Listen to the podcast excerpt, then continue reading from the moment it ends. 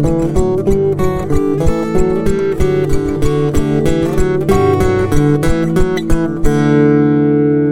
sann, dere. Velkommen til en ny episode av denne podkastserien vår fra Fredrikstad bibliotek. Det er noen av dere sikkert som har ferie fortsatt. Jeg har ikke det, og jeg har heldigvis også noen kollegaer som ikke har det, slik at vi kan eh, samle oss her i studio for å lage en liten litteraturepisode til dere. Så da vil jeg bare ønske velkommen til eh, mine kollegaer Camilla og Linda. Hallais! Hallo. Hei. Hvordan står det til i dag? Jo da, det går fint for meg i hvert fall. Ja. Ja, det er veldig bra. Fint vær og gode dager, holdt jeg på å si. Ja, og godt og mørkt i studio. Sånn er det, er det alltid. Men um, vi hadde jo tenkt at vi skulle snakke litt om noen lesetips uh, i en ny, eller ikke ny sjanger, men i en sjanger uh, for folk. En liten, uh, hva kan man kalle det, tematikk. Ja. Ja. Så hva er det dere har tenkt å snakke om uh, i dag? Det er uh, gjenfortellinger av gamle mytologier. Ja, veldig bra. Så det, og jeg håper å si, det er jo ikke alle som vet hva en mytologi er, men det er gjerne en samling med gamle folkeminner, myter, sagn og legender. Så det, som hjelper oss å forstå verden rundt oss og hva som foregår. Ja. Ja, det er jo eh, religion fra gammelt av, men det går jo gjerne Det blir gjerne en større ting enn det, fordi religion og underholdning er gjerne to forskjellige ting i vår tid, i hvert fall i mye større grad. Ja.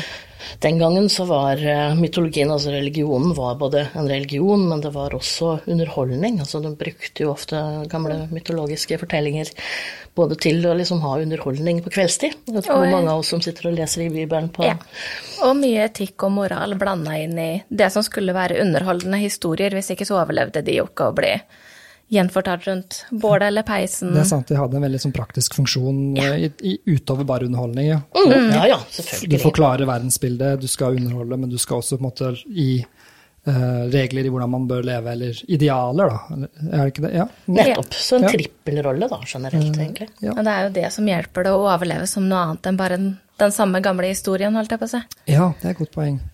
Så, men eh, ja, for det er jo litt interessant for dere. eh, Dere skal snakke om myter gjenfortalt. For det er jo, og det her er jo min lille anekdote, er jo at jeg og min bror vi har en konkurranse gående.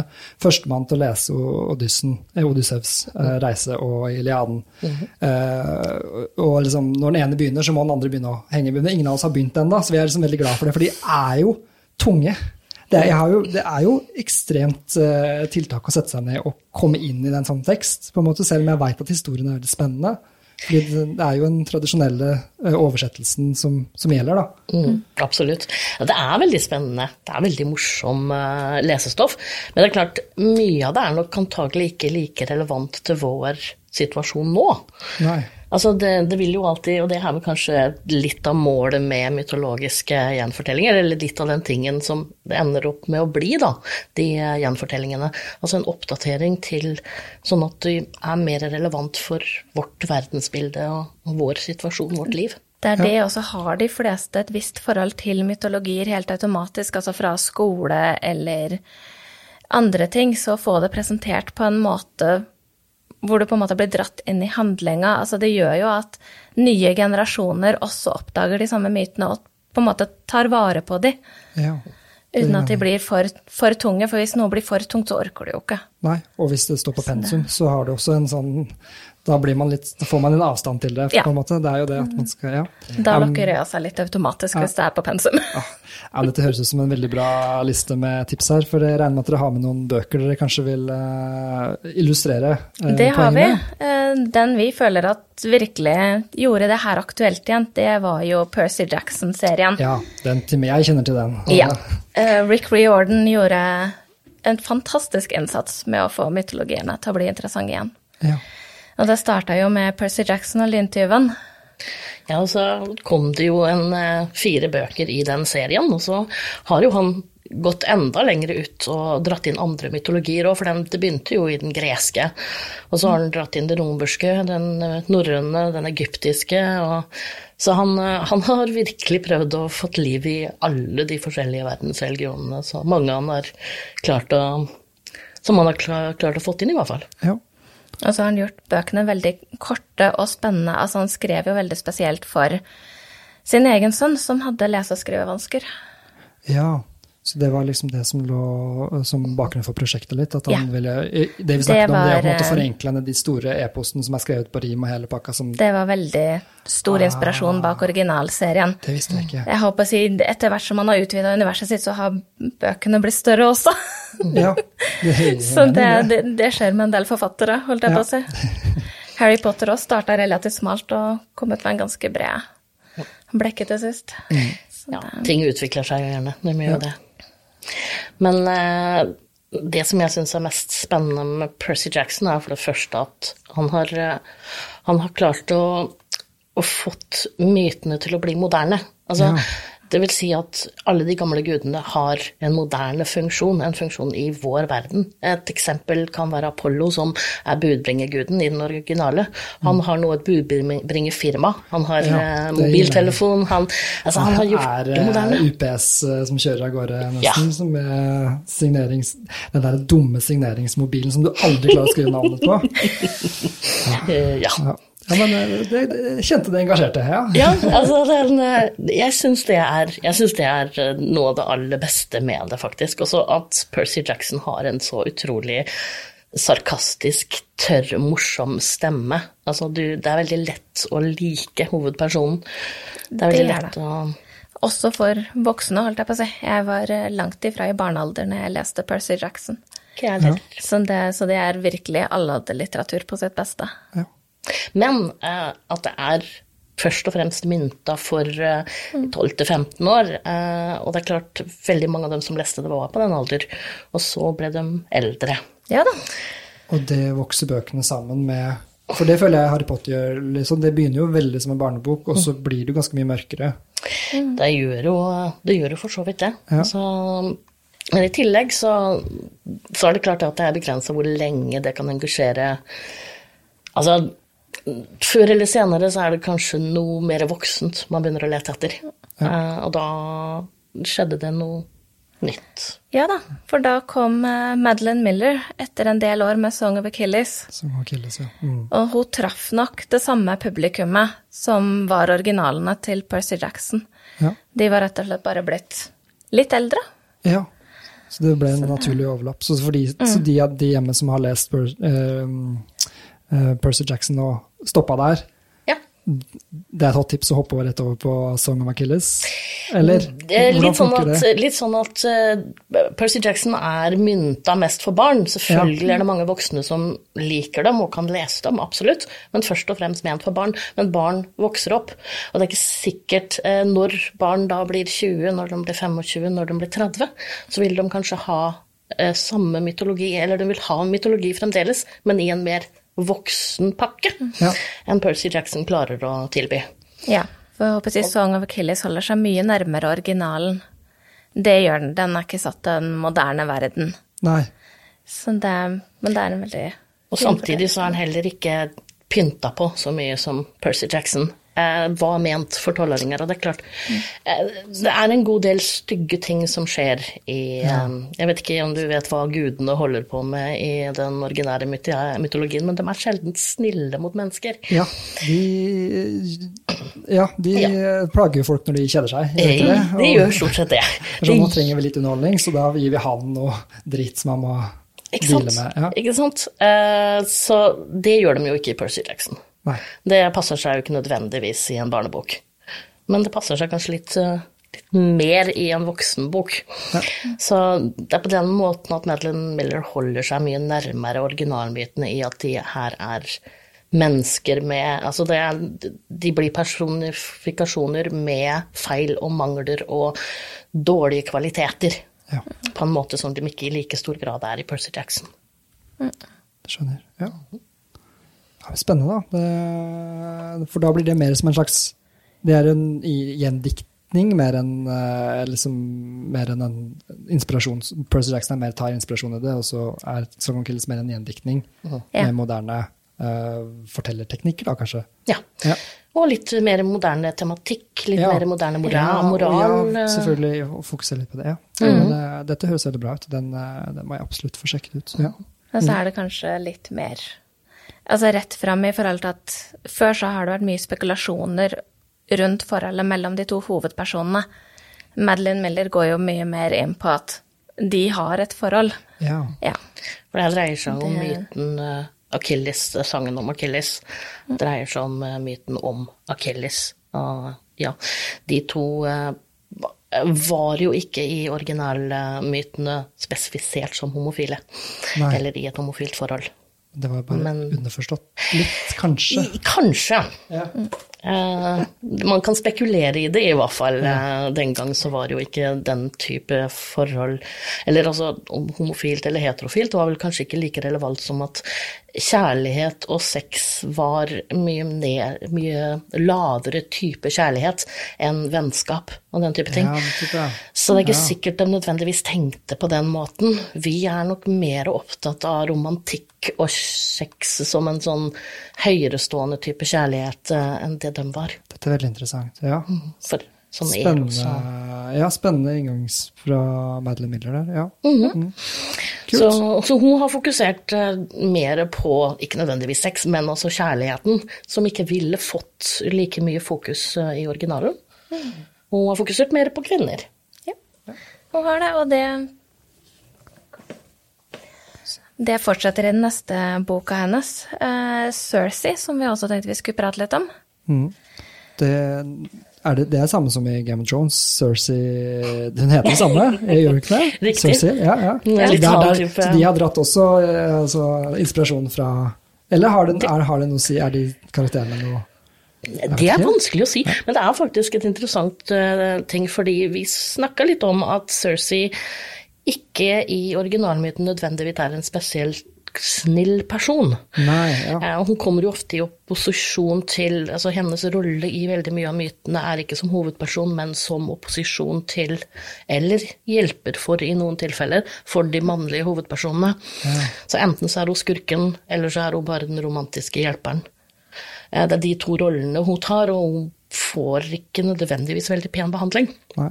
i de gamle mytene. Det gjør hun ikke i, i Game of Thrones heller, men der er hun betraktelig mye slemmere. Ja, det gjør det enklere for oss å godta at hun ikke får så god behandling, for hun Mm. kommer liksom fra henne selv. ja. Ja. Men i denne boken så Dette er da myten om Cersei som er gjenfortalt. Ja, også av Madeline Miller, som du Ja. sa. Ja. Og da som mye mer enn bare å håpe å si skurk eller eh, en altså kjærlighetsinteresse. Altså du får mer Du blir kjent med dama bak, holdt jeg på å si. Ja. Ja. alle Så mennesker det- er jo kompliserte. Det er akkurat det. Kapitler, det er Så det er litt enten bakgrunn for hvorfor gjør og de tinga som blir tolka som ganske onde, og de, de er jo onde. Mm. Men eh, du blir jo gjerne drevet til et punkt. Ja. Så det Ja, Cersei selv sier jo i boka som hovedperson at, at hun angrer på mye av det hun gjør. Altså, det er eh, spesifisert i boka at det hun gjør, ikke er på noen som helst måte bra, men det de har gjort til forskjell fra originalmytene, det er å gi et grunnlag for hvorfor hun handla på den måten hun gjorde. ja. Uh, og det gjør henne til en mye mer kompleks og person, altså med mer deler, da, ja. som du kan, eh, kan være en mer interessant person. For du ser jo gjerne hvordan altså hele samfunnet har vært mannsdominert og prøvd å dominere henne også, uten at det på en måte har latt de. ja. Så det Altså det, er, det er veldig mye makt uh, og maktmisbruk i den boka, som liksom ligger til grunn for, uh, for da den tolkninga av Cersei som person. Mm. det er kult. Nå har vi jo allerede, ja, nå har vi touchet inn på, på dette som på den moderne romanen på en måte har i forhold til de gamle eposene, er jo den rike karakterbyggingen og, og måte muligheten til å gå inn i bakgrunnen til folk. Mytene var jo mer sånn Den er helt, han har denne kvalifikasjonene, og så får vi ikke vite noe mer. på en måte, Eller de, den, den skurk som Ja. Mens uh, dette er veldig Ja, dette, dette liker jeg veldig godt. ja. Og i de tilfellene hvor vi hadde noen rike karakterer i det hele tatt, den gangen så var de jo menn. Ja. Eh, Det kvinner er ikke også veldig viktig, ja. Det er sant. Det, vi får ikke hørt noe om de. Nei. For jeg håper å si, Det har jo vært de to store bøkene til Madeleine Miller. Men hun har jo også den kunsten at hun kan få veldig mye handling inn på korte sider. Ja. For hun har en bitte liten novelle som heter Galatea. Ja. Det ser ut som en bitte liten bok. Men den skjuler mye handling og mye tankevirksomhet. Er du ikke enig i det? Jo, veldig. Det er eh, Hun har tatt Galitea-myten, eller rettere sagt Pygmalion-myten, for det er jo Ja. selvfølgelig alltid mannen, eh, som også ligger til grunn for som eksempel eh, My Fair Lady. Ja. Eller, eller Pygmalion, den boka til Jeg husker ikke hvilken forfatter, en britisk forfatter som hadde den. Ja, nei, det Eh, ikke jeg heller. Nei. Ikke det, det er gøy når det sitter tre bibliotekarer i et rom og ingen husker hvem som har skrevet. Jeg husker ikke hvem som har skrevet. Det er en relativt regner kjent bok. det er bare et Google-søk unna, så Ja. det finner dere ut av der hjemme. Men, eh, men også den eh, Det er en eh, mytologi som har kanskje enda mye mer sånn kontrakt mellom mann og kvinne enn det de ofte har. Og Galitea er i den historien en statue som Pygmalion, som er kunstner, lager. Og i originalmyten da, så ser han så mye prostitusjon og kvinnelige fryktelige saker i eh, verden rundt seg at han lengter desperat etter en ren kvinne som ikke er besudla av alt det fryktelige greiene. Så han bygger seg igjen. Ja, Så ber han pent eh, kjærlighetsgudinnen om å gi henne liv, og det får hun. Og der på en måte stopper originalmyten. Og hva som skjer med henne, er eh, I noen av mytene så får hun et par barn, og det er liksom det. Men hvordan vil det være da? For en statue å plutselig bli levende, og skulle leve opp til det som kunstneren ser. Det er jo det det dreier seg om i Det er det, og det er litt der Galatea fortsetter. ja. Med hva, hva skjer med denne statuekvinnen? Og jeg håper å si, siden det er et mannsdominert samfunn, så vil han jo bevare hennes uskyld, så han lemper henne jo inn på et det vi mistenker er et sinnssykehus. ja. Så det, for da kan jo han fortsette å styre akkurat som han vil, og besøke en eh, kvinne som blir klar, klargjort for eh, hva han ønsker den dagen, og så kan han dra igjen etterpå. Og ingen andre vil jo da Ja. jeg håper å si, besudle henne i mellomtida. Nei, fordi ja. Og så er det litt sånn element av at eh, han forguder henne så lenge hun er statue. Men eh, det er jo gjerne én ting som menn som gifter seg med kvinner, gjerne vil gjøre. Og når han plutselig da har gjort det, så er hun jo ikke renrenning lenger. Nei, Og hva da? må bygge ny stadion. Det er, han, det er jo hans egen skyld, på en måte. Ja. At han har eh, Men da er hun jo ikke den rene personen som hun en gang var. Og da mister hun verdi i hans øyer. Spennende. Mm. Ja. Det er interessant fra et dikterperspektiv, og usmakelig fra et eh, Ja. Men det er ja. mm, Det er en veldig interessant eh, romans, eller novelle, som er satt i en tidsepoke som ikke er spesifisert. ja. Nei, Det er den er ikke det, men jeg tenker jo England på ja, sinnssykehusenes tid. Ja. Men eh, det som er, er at altså, alt fortelles jo fra Galateas perspektiv i denne novellen. Så du ser jo på en måte ikke noe til bakgrunnshistorien eller hva denne kunstneren har tenkt. Du får jo bare hennes perspektiv på jeg blir behandlet, jeg blir vasket, Ja. jeg blir brukt. Altså, ja. Og det, jeg syns det jo er en litt interessant ting, fordi du, boka kan kanskje til en viss grad leses forskjellig, avhengig om du har noe kunnskap om originalmyten eller ikke.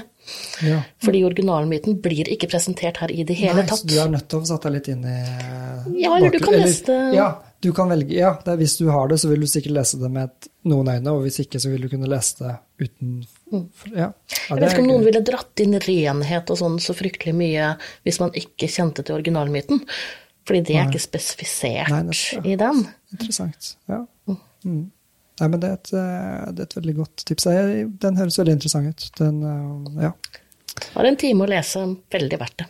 ja. Da er det bare å komme seg på biblioteket og låne. Ja. ja, det er det. Men det er jo Det fins jo myter som ikke er uh, greske òg. Ja, det finnes er myter fra alle Ja, for det, det er godt, for når man tenker myter, så tenker jeg også i hodet bare liksom, automatisk gresk, kanskje romersk, liksom. Altså det er liksom der nede. Men uh, det fins Vi har, vi har vår egen, vi. Vi har vår egen, det er sant. Ja, ja. Vi har masse norrøne mytologier. Ja. Har, Så det, det- og, og sikkert da noen som da har eh, gjendiktet noe der òg. Absolutt. Eh, Det er eh, en forfatter som heter Genevieve Gornicek, Ja. som har skrevet The Witch's Heart. Og hun har eh, litt nordiske aner. Som da har hun tatt for seg heksen Angerboda, som eh, har en affære med Loki, og de får tre barn. Og det er jo selvfølgelig deres tre barn som eh, til slutt starter Ragnarok. Er det type Fenrisulven og Midgardsormen Ja. og hva er det siste? Og Hel. Hel, ja, selvfølgelig. Ja. Ah. Så eh, kult. Så, og hun, hun skriver fra om deres uh, kjærlighetsaffære? Er det, Ja. ja. Hun starter fra hun ble brent på bålet, var det tredje gang? Ja. Det tror jeg. Og da hadde de Vent litt. Tredje gang. Gikk det ikke de to første gangene? det tok litt tid. Jeg måtte bare, Her ga han! Her i originalmyten. eh, eh, Ja, nei, det, det funker ikke alltid så veldig godt å brenne en heks. Det, det hender de kommer tilbake. Jeg trodde det var det som var løsningen. Det var det med midlene. Å ja, vi må gjøre det tre ganger, ja. ah, Ja. Nei, for eh, når de da brenner den tredje gangen, så har de på forhånd eh, tatt ut hjertet. Oh, ja. Så Sånn, boka ja. starter med at Loki da kommer til Angerboda og sier her har du hjertet ditt, jeg tok vare på det for deg. Ja. Så det Og da håper jeg er hun egentlig ganske lei av både guder og mennesker, og ja, det ville jeg vært òg. flytter ut i skogen for seg sjøl. Ja. Så det Så det her er jo også eh, Det som jeg syns var så festlig, er at Har du hørt om Angerbode før? Nei, det, den har jeg ikke hørt om. Loke kjenner vi selvfølgelig til, og alle Det er ikke Ja. Men Angerbode er helt ukjent for de aller fleste, fordi hun, opp, hun er nesten ikke i de norrøne myntene. Hun er presentert som Lokes eh, barns mor. Eks. Ja, ja. Eksen til Loke, ja. Eksen til Loke, Hek, heksen til Loke, nei. som ble drept tre ganger. Og det er egentlig det. Det er ingen egentlig noe informasjon om hvorfor hun ble drept en gang. Bare en ting som skjedde. Så her er det et hull i historien, og det er her denne boken kommer inn. Hva var den? Witch's Heart? Var det Ja, det? The Witch's Heart. Er den oversatt til norsk? Nei, Nei. ikke enda. Jeg, jeg håper. Der, ja. ja. Den fortjener norsk òg, fordi Ja, det er gjør jo den. akkurat det. Det er- Absolutt. Det er jo, Det er jo våre, eh, våre myter. Ja, men, Så men det er kanskje det at de, vi, når jeg vokste opp med de, og som vi snakka om i stad, at det er på pensum og sånne type Mhm. ting, så får man liksom en litt sånn annet forhold til det. Men når du har noen som er utenfra, som oppdager det på nytt, så, som en forfatter som er, har aner, men kanskje hun er britisk, er hun det? Hun- Ja, ja. forfatteren er britisk, men svensk bestefar eller noe Ja. sånt. Ja. Så har man på en måte en helt annen type inngang og fascinasjon for et uh, tematikk på den måten, kanskje litt, da. Ja. Det, ja. Altså har du tatt en person som ikke får noe plass i originalmyten i det hele tatt, og gitt henne et veldig rikt liv. ja. Og da har du jo frihet som dikter også. Mm, veldig. Ja, kult. Er det, er det flere norrøne, eller? Ja, jeg har ikke noe mer mot norrønt nå, eller eh, det, det fins mye mer, så Ja. kan prøve deg på Percy Jackson sine norrøne myter, men uh, vi har noen andre mytologier òg. Ja, Ja fyr løs. Fyr løs. Det har vi. Eh, Vi hopper hopper å si, videre rett til Asia og japanske myter. Det kan jeg ingenting om. Nei. Nei. Ingenting. det, for vi starter med en opprinnelsesmyte om eh, gudene Itsanami og Itsanaki. Ja, Og det er eh, en bok som heter The Goddess Chronicle kult. av Mm. eh, Natsu Kirino. Ja. Og, Veldig jeg kjent japansk forfatter, egentlig, men nå har skrevet mye krim og grøss. Så, men nå har gjort en fantastisk jobb med denne, denne mytologien også. Ja, det er en spesiell bok. Okay. En uh, veldig spesielt skrevet, både innholdsmessig og i skrivestil, syns jeg. Ja. Uh, hvis du kjenner til, eller har lest noen japanske forfattere, så kan du kanskje kjenne igjen en litt annerledes måte å skrive på enn enn ja. Jeg- vestlige. jeg har bare lest Murakami, mm. men han regnes jo gjerne som en veldig vestlig Ja. forfatter. Han- han er ganske vestlig, han er Han det. er jo, ja, I og med at han da oversetter dem sjøl til engelsk og gjør edelig Mm. Ja, jo, jeg husker ikke. Ja. Men eh, den myten her sånn var ikke kjent for meg heller. Nei. Så jeg, jeg måtte titte litt opp, faktisk, for å se hva det var. Men det, det handler vel hovedsakelig ikke om de gudene nødvendigvis. Det handler om en eh, kvinne som eh, Eller to søstre. Den ene blir vant til å, til å eh, være Hva skal jeg kalle det? Eh, prestinne Ja. for, for dødsgudinne. Ja. Som da er en av de to opprinnelseskarakterene i opprinnelsesmyten. ja. Den som gir liv, og den som tar det? Eller de to På til en viss grad, ja. Hovedsakelig. Mm. Og det er selvfølgelig kvinnen som får jobben med å ta liv. ja. For de har jo en, en liten hevnkamp for den mannlige guden. Han er jo gjerne ute og sprer sine vinger og får en del barn, og dermed så er det jo da kvinnen som gjerne tar livet av en del elskerinner og litt sånn som eh, hevn. ja, når var denne myten fra? 3000 år, eller Ja, noe sånt? To? Ja. Skal et stykke tilbake i tid, i hvert fall. Sjalusi er gjerne ikke et nytt fenomen, og Nei som da, sagt, moral og etikk er ja, en sånn Men at den forsmådde i denne opprinnelsen liksom, da skal være en kvinne, da. På en Ja. måte, at det var liksom det som var eh, ja. Og den slemme. ja. Fordi alle er jo redd for døden. Ja.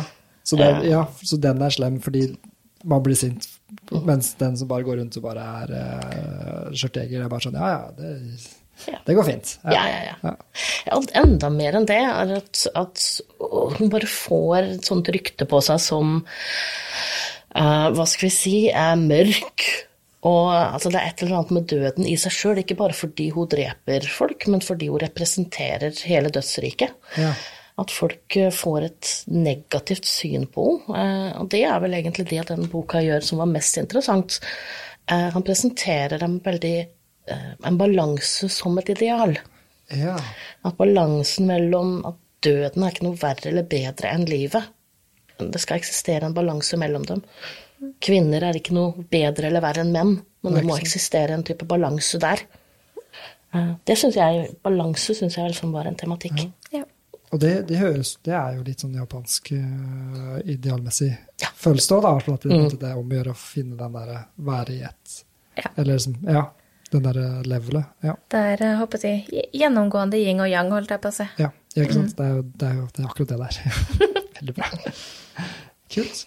Eh, når, eh, når var den boka kom ut? Var det, er den ny? Å, det husker jeg ikke, nei. Eh, Nei, Nei, ikke helt. den, den er ikke ny. Det var en serie som ble bestilt av et engelsk forlag. Som ville ha myter fra forskjellige verdensdeler. Ja. For, dette, for det forlagene har jo fått eh, øynene opp for at dette, dette leses Ja. mye. Ja. Men det her var før, eh, før den her nyeste bølgen som på en måte Ja. starta med Madeleine Miller. ja. Så jeg tenker sent 90, tidlig 2000-tall, Å ja, det er såpass, ja. ja. Ja da, for Ja. Den, eh, den kom liksom bare snikende, holdt jeg på å si. Det er vel Så ikke så mye at Det er ikke bare at nye bøker som er skrevet om mytologi, har blitt populære, men gamle bøker som har blitt skrevet, har blitt plukka opp igjen. ja. Ikke sant? Det gir mening når man måte har liksom Noen setter en Ja, så Madeleine Miller kommer med en ny bølge, så går man jo tilbake. fordi da er det jo ikke så mange som har hoppet på bølgen i starten. Så må man jo på en måte grave opp uh, de gamle bølgene. ja. Så Det er det, for nå. Ja. nå kommer det jo nye forfattere. Altså Claire North har jo kommet med mange forskjellige, Pat Barker har et par. Ja. Så det, nå- er det på en måte virkelig på vei opp fortsatt. Ja, da, nå skrives det nye, men i begynnelsen så gravde de veldig i gamle Og se om de kunne finne noen gamle fortellinger. Men det er fortsatt mye greske myter. Elektra er igjen, jeg husker, Ariadne Ja. Det er klart at vi lever jo i Vesten, og vi er jo mer opptatt av oss sjøl. Det, det er ikke det er, det er, Ja, det er litt sånn det er, det. Jeg er liksom litt imponert over at det kommer noe i det hele tatt, ja da. Jeg syns det er ålreit at Ok, det er en sped begynnelse, men jeg syns det er ålreit å få at det også kommer bøker fra Det har kommet noen mytologiske fortellinger også fra Afrika Ja. som Ja er veldig interessante.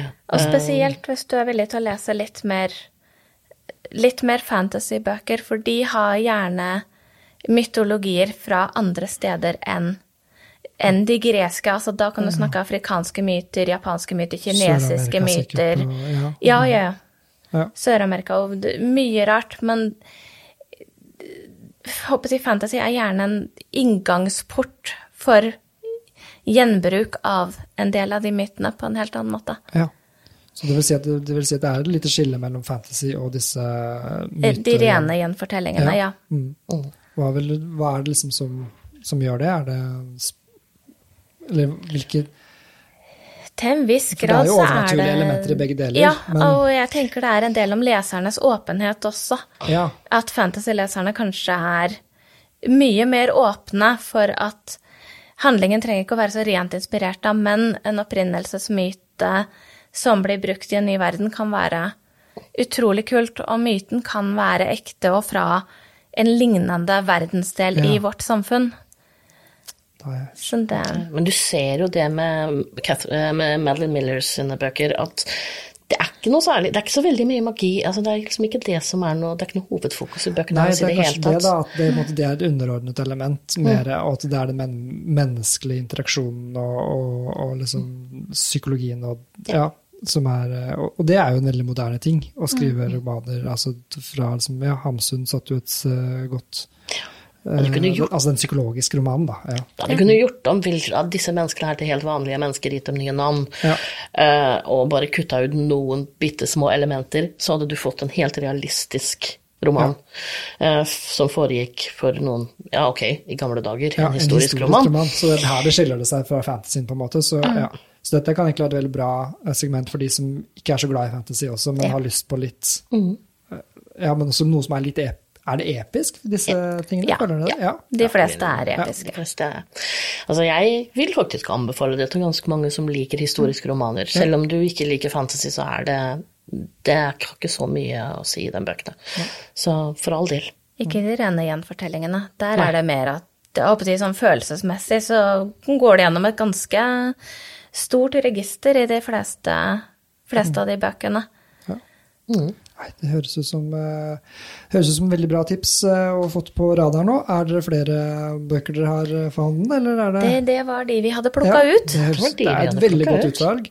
Og for de som da var litt, ikke fikk med seg alle navnene her, så legger vi inn med en liste. Vi lagde en liste på, um, med, med bøkene, som man kan sjekke det ut med forfatterne også. Så sjekk det ut i eh, description, hva heter det på norsk? Eh, Beskrivelsen. Ja, veldig bra. Her er det anmeldt for mye på sosiale medier. Men i beskrivelsen av episoden så kan dere få litt tips og se, se bøkene og forfatterne, og håper dere får en fin lesning og plukker opp en av de. Kanskje tar den siste delen av sommerferien. Ålreit. Vi ses. Vi høres.